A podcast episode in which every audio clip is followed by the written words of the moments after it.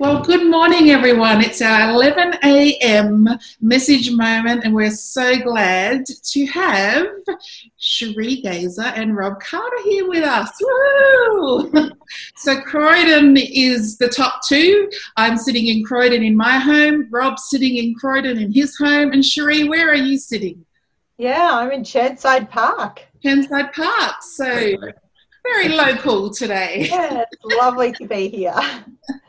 So today we are continuing on with our focus and our little series on Sundays about Let the Psalms Speak. And last week was an amazing time, wasn't it, Rob, with Trav and Joe and yourself?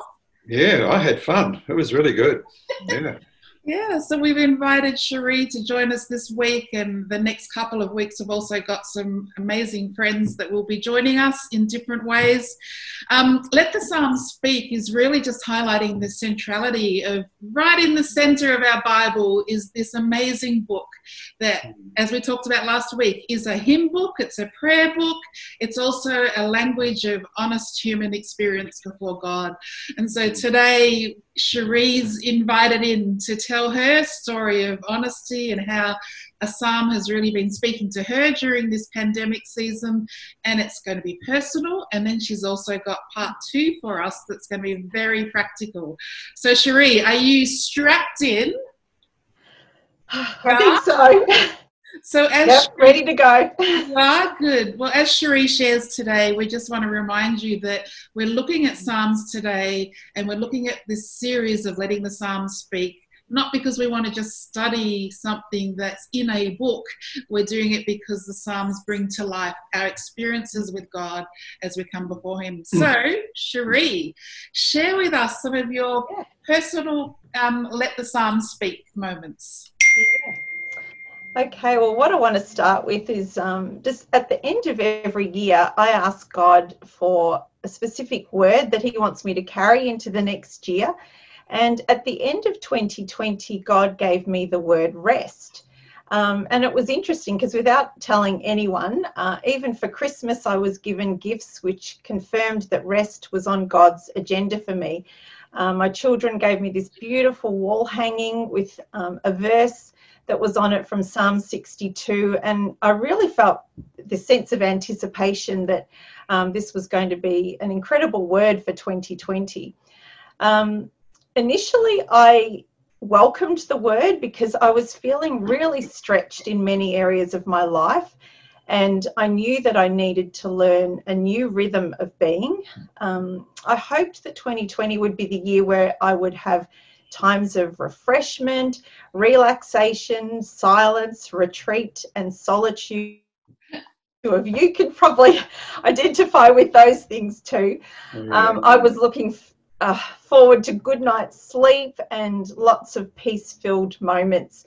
Um, and I was praying for a more, I guess, unhurried life, free of challenges. Um, but simply put, um, I, I, really wanted a break um, a holiday from anything hard. But as the year began, I found myself reading the Bible. I was looking at verses about rest, reading books, talking to people who appeared to rest well, and I looked for opportunities to rest. Yet the rest that I'd been hoping to find just evaded me uh, as the year rolled on. Um, I, I just didn't feel rested at all. And in fact, this year has not turned out the way I had expected it to. And there have been lots of moments uh, for me and my family, um, layers of pain, loss, grief, lots of change, and utter exhaustion and brokenness. And that really didn't fit at all with my picture of a year of rest. And I really felt cheated, if the truth be known. Um, and I'm sure you can identify with that that tension between um, what you were hoping for, but the reality. And I even wondered if I'd heard from God, and maybe He was saying that it was going to be a year of restlessness rather than rest. Mm-hmm. um, so that was a real challenge for me. So, you know, the best thing to do is often take our concerns to God. Um, and I I did that and I asked him to explain why the year was not full of the rest that I thought he had promised me. And I wanted him to fix it for me because I was not happy. And always tells the truth and his ways are not our ways. And just really gently to my spirit, he explained that to know true rest is actually to know the peace of God amidst the chaos of life. Um, and it was really his goal for me not to have a break and be able to just to sit back and do nothing, but to learn uh, that rest regardless of my circumstances. So that was a little bit of a an ouch to my heart that um, and I really had to repent of I guess having false expectations of, of God, but uh, not actually taking the time to understand what he was trying to teach me. Mm-hmm. Um, and I've just found that the Bible is just full of references to rest and of being still, and especially in the Psalms, um, there's quite a lot of um, places where you can read about taking refuge in God and and just being still. And you know, Psalm 23 is a beautiful example of that. Mm. Uh, but one of my favorites is Psalm 62, and in this psalm, David's just gone through such a period of disappointment, and he knows that it's God's work of grace that subdues his soul, his mind, and his body uh, to be at rest. Um, he wants all the striving to cease. You know, the one can move David except God. Uh, and I think that's a real challenge sometimes um, to be in that place. So, just if I look at Psalm 62, some of the verses that really jump out for me um, are probably verses 1, 2, and 8. And I'll just read those to you. So, truly my soul finds rest in God. My salvation comes from Him. Truly He is my rock and my salvation. He is my fortress. I will never be shaken. Trust in Him at all times, you people. Pour out your hearts to Him for God is our refuge. And that's just such an encouragement to me that even though I still find myself in this period of unrest and challenge and change, um, that God is my safe place. Uh, he's my sanctuary and my stronghold. And with God, that I, I can be safe and I can be in that place of trusting in Him and not striving, doing things in His strength and not my own, which I do find a bit of a challenge. So mm, mm. yeah, so that's that's really been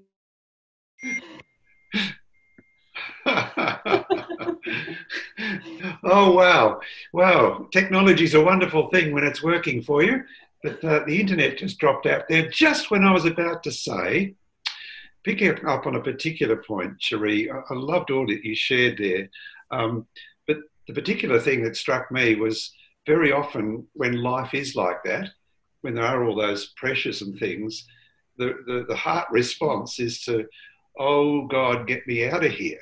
Let me mm. out. Let me get off this, this merry-go-round of a world, if you will.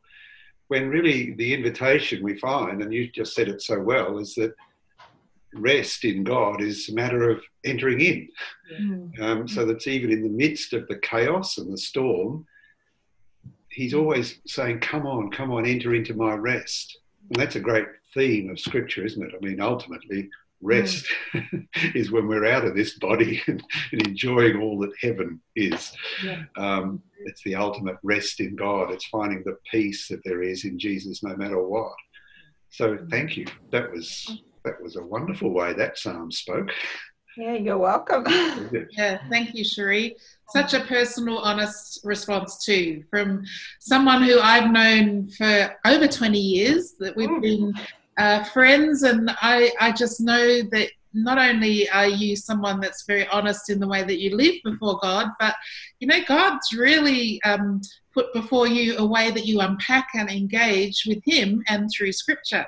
And you're going to share us um, a really practical way of doing that in a moment. But I just wanted to really thank you for the way that you lead us, um, not just in our church, but you lead your family, you lead in so many environments, and you're such a reader as well. and so, what we're about to experience will really start to show who you are in terms of your, you come at things with like an editor, and you come at things loving language, and you come at things that as you read, I think you probably read more books than I know of anyone except for maybe Rob Carter. you both are very words people. but we really we really appreciate that you are a words person and that language is powerful for you. And so what you're about to lead us in that's very practical about engaging with scripture really shows that heart of you being a reader, a learner, and just a, um, a leader for us in the way that you approach scripture. So you've done that personally for years, but you've also shared this with other people. I think you've done this with your staff as well. Yes, I have, and um, yeah, just in other ministry settings as well. Yeah. Um, it's something that yeah I've I've been taught to do, and I love sharing you know sharing that with others too. So it's yeah. good. Beautiful. So we're in for a treat. Our message momentum today is going to be part two right now. Cherie is going to lead us through a whole new way of looking at engaging with words in scripture and personalizing scripture, mm. right? Through mm-hmm. Psalms. Yep. Yeah. So mm. thanks everyone. Let's go to part two and our message momentum with Cherie. Brilliant. Well, I'm really looking forward to sharing with you something that I do when I'm studying a Bible verse in depth, and it's called verse mapping. What is it? Well, verse mapping is a method of studying the Bible in a way that helps to unpack the scriptures using word origins, historical context, definitions, maps, and prayer and it helps you to find deeper meaning in God's Word and apply it to your life. It's really one of my favourite ways to study the Bible because it makes God's Word more personal to me. There are lots of tools online, and there are even verse mapping Bibles if you're really keen.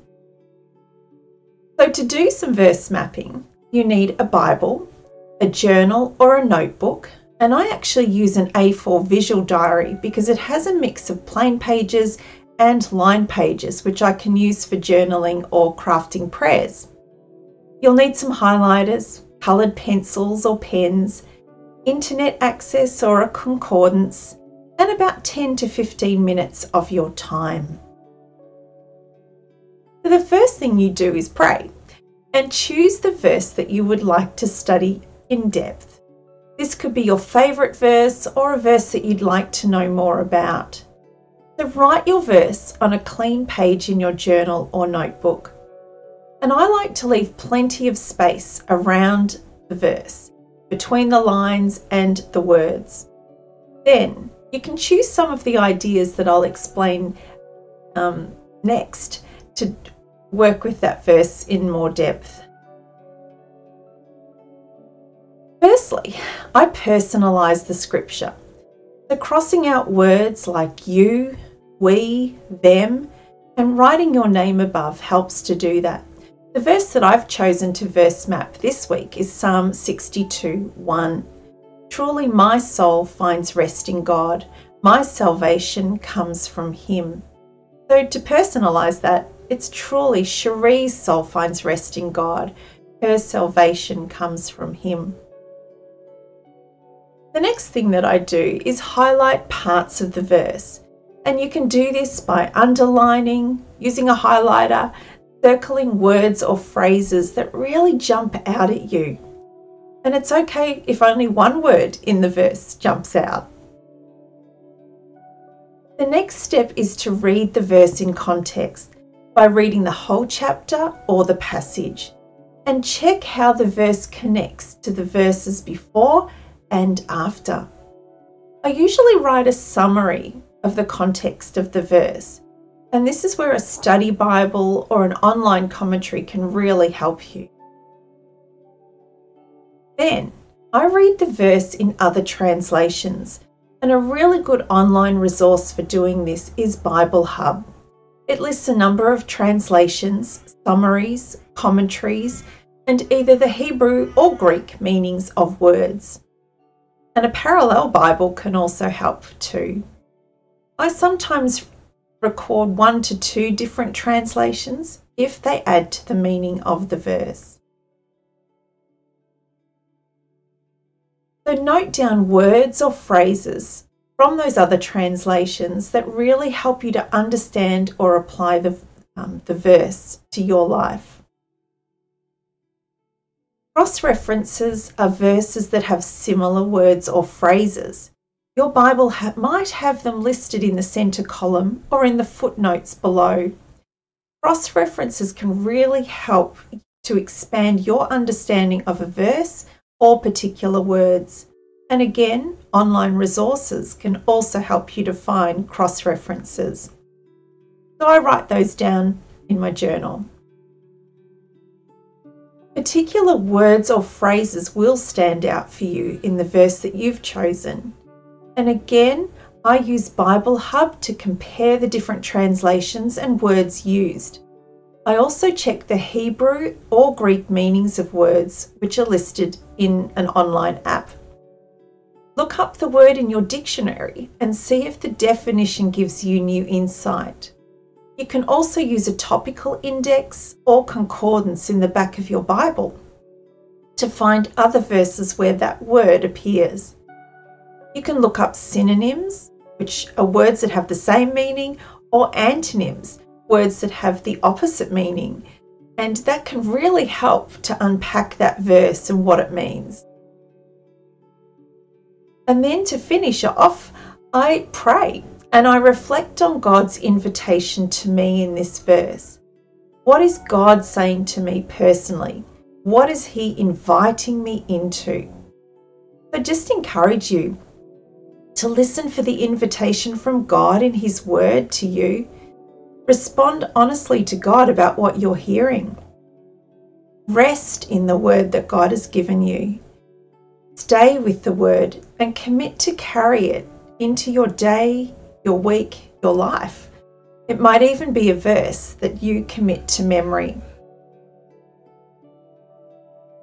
And I would just really encourage you, if you want to give this a go, to get creative and expand your verse mapping as you become more confident. I know many who do this online. It is my prayer that God will reveal His truth to you in a personal way. You can watch this video again as you try verse mapping at home. You might even like to post a picture of your work on our Facebook page or share it in an email. But really just um, encourage you to give this a go and see if it's something that, that might um, really bring something new to your Bible study. And we do look forward to seeing you next week for more as we continue Let the Psalms Speak at 11 a.m.